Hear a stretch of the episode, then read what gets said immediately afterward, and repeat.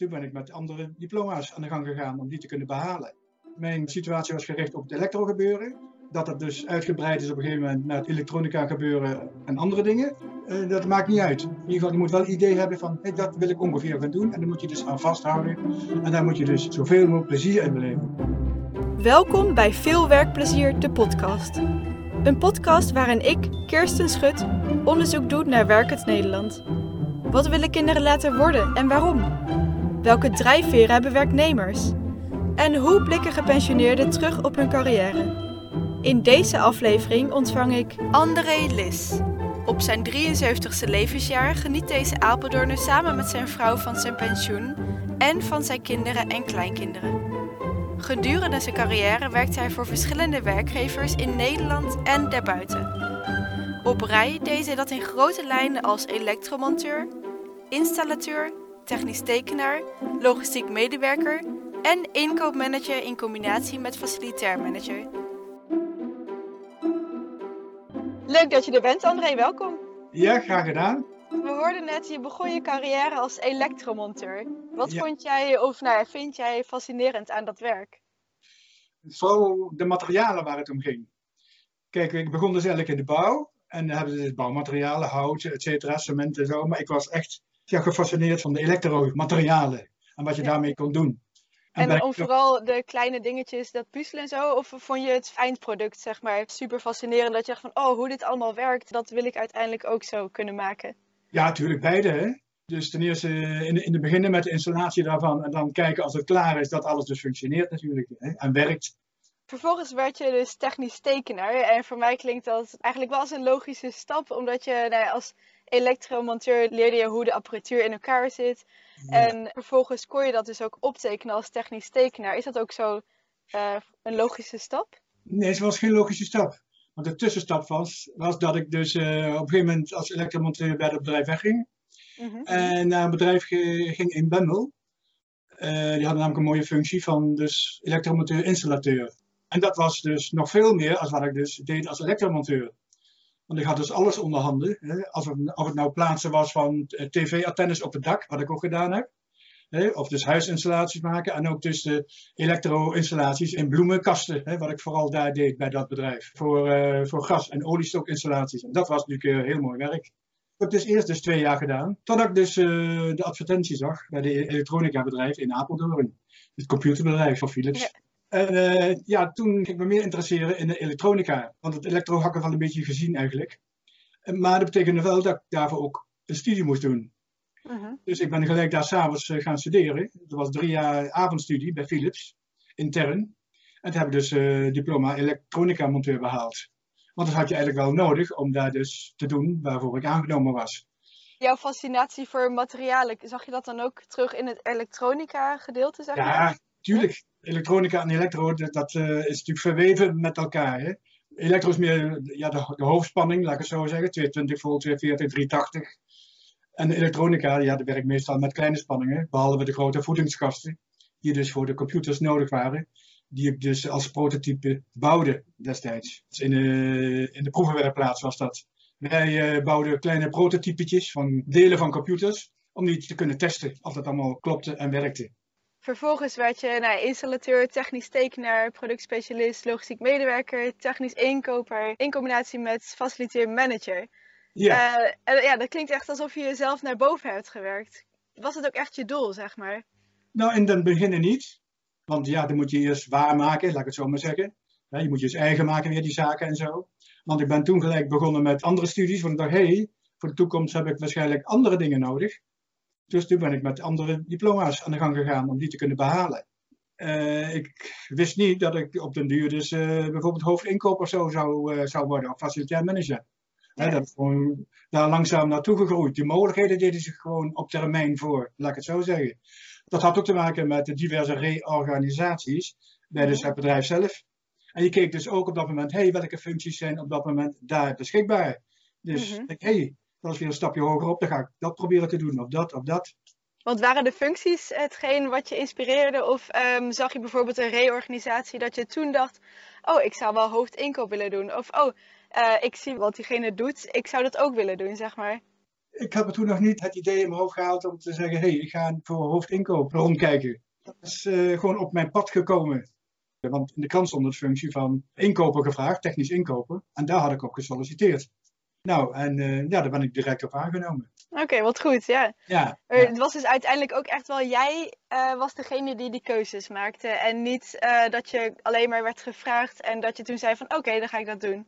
Nee, want ik, toen ik geen werk meer had, ik heb direct een stuk of 25 sollicitaties had ik uitstaan. Wat ook weer met elektro- en elektrotechnische zaken te maken had. Ja ik heb dan in ieder geval het beeld voor me dat een medewerker of dat jij dus continu met bedradingen bezig bent en continu uh, nee, met computers uit elkaar halen en uh, kijken waar, iets, waar het probleem zit en dan uh, dat oplossen en dan vervolgens ja. nieuwe deeltjes bestellen om dat weer in te zetten. Klopt dat een beetje, dat beeld? Nee, dat klopt niet. Ik heb niks met nee? interne computer te maken gehad. Ik wist wel welke onderdelen erin zaten. Daar was ik gespecialiseerd in. Ik moest ervoor zorgen dat de materialen die defect raken, dat die uh, op voorraad in Eindhoven bijvoorbeeld lagen. Zodat ja. de klanten van ons, hè, dat die daar die materialen konden bestellen. Dat was dan als hoofdinkoop, deed je dat maar bijvoorbeeld Nee, dat als... was logistiek medewerker in dit geval. Oh, is logistiek medewerker, ja. Ja, ja. Het ja, zijn veel functies. Uh. Ja, de functies zijn allemaal een beetje verweven altijd geweest. Hè? Van het een naar het ander. En het ja. raakt elkaar al, allemaal eigenlijk. Van het ene gedeelte kon ik gebruiken in het andere gedeelte. En ja, en zo is dat gegaan eigenlijk in de loop der tijd. En waarom was, jij, waarom was jij goed in het werk wat je deed?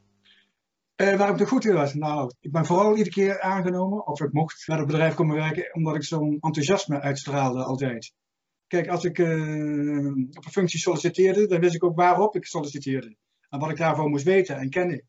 Mm -hmm. He, dus ik was altijd enthousiast als ik dus bij, uh, bij een sollicitatie kwam. Om dat te kunnen uitleggen van, nou, dit vind ik mooi en dat vind ik mooi en daar heb ik interesse in. En ik ben heel accuraat eigenlijk betrouwbaar, accuraat en precies. Omdat ik, ik hou van, van orde en netheid. En als ik een afspraak maak, dan kom ik dat ook na. Ja, het klinkt dus alsof je je werk echt heel erg leuk vindt. En dan is het natuurlijk ook dat je, dat je zo enthousiast en accuraat en een pietje precies ja. bent, zeg maar. Dan ja. komt het vanzelf, denk ik ook, hè? Ja, nou, dat spraken ook de mensen aan waar ik solliciteerde natuurlijk, hè. In de tijd dat ik bij Philips begon in de computerindustrie, ben ik steeds gevraagd om op andere afdelingen te komen werken. Afdeling constructie, afdeling uh, technisch tekenen en zo, dat soort dingen. Omdat ze dus signalen kregen van mijn chef, zou maar zeggen, van nou ja, hoe ik functioneerde. En dat vonden ze ja, blijkbaar hartstikke mooi. En daardoor werd ik hier en daar gevraagd om uh, daar een tijd te komen werken. En was het dan omtrent allerlei soorten technische producten? Of was er een bepaald product waar jij de verantwoordelijkheid voor had? Bij technisch tekenen, dat waren natuurlijk algemene tekeningen die je moest maken van allerlei soorten producten. Dat -hmm. zowel bedradingstekeningen zijn, dan wel technische tekeningen van materialen. Zoals ze mechanisch in elkaar zaten. Dat heette dan explode fuse maken. De logistieke service, ja, toen kreeg ik een bepaald product toegedeeld. Daar werd ik dus een productspecialist van. In dat geval zat ik in de Zweedse geldautomaten. En uh, ja, je moest exact weten van, hey, hoe, hoe zit die in elkaar? Welke producten zitten daarin? En daar was je dus verantwoordelijk voor. Oké. Okay al die producten samen, zeg maar, dat komt allemaal wel een beetje overeen, denk ik, toch? De basis is telkens hetzelfde.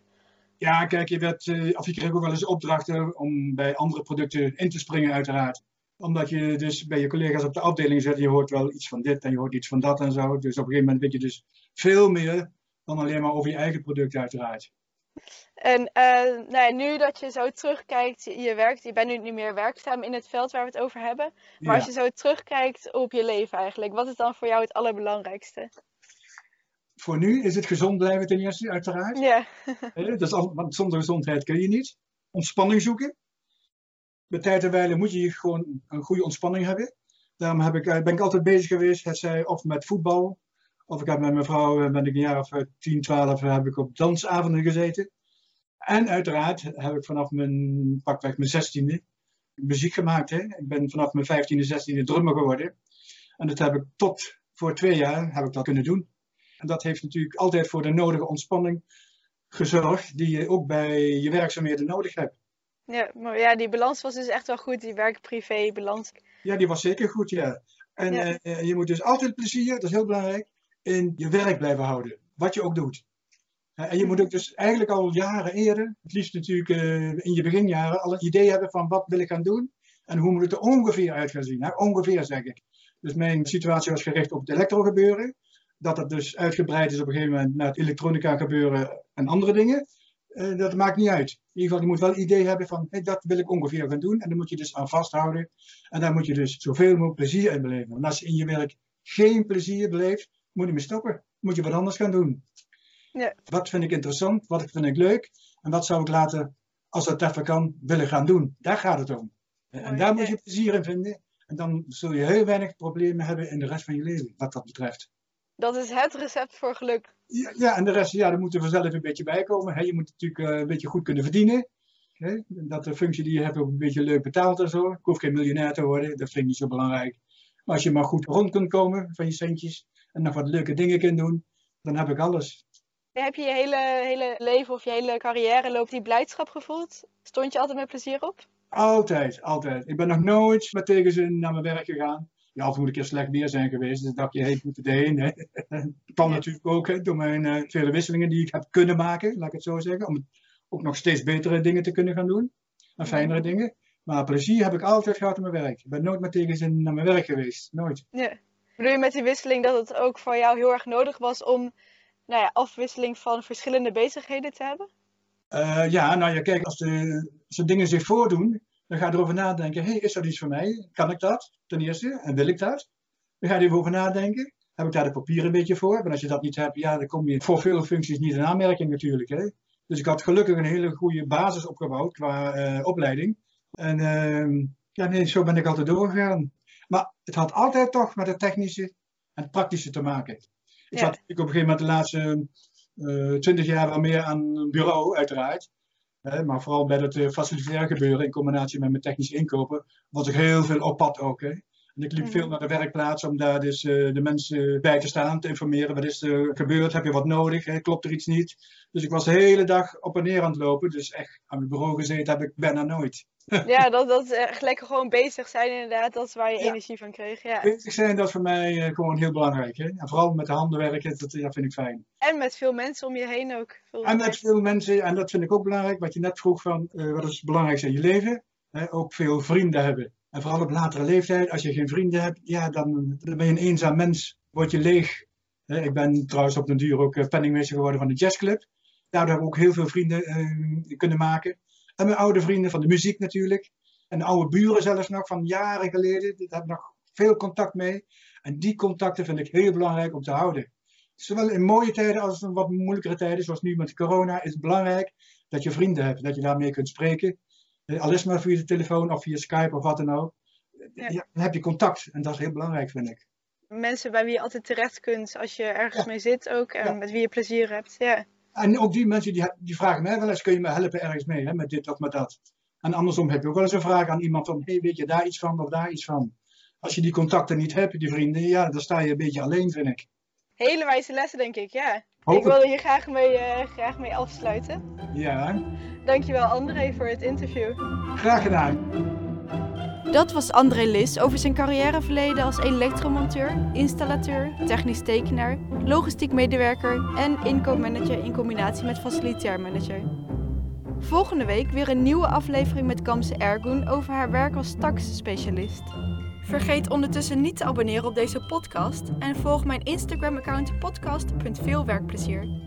En denk je nou, ik wil mijn werkplezier ook delen via deze podcast? Stuur dan een e-mail naar podcast.veelwerkplezier.gmail.com.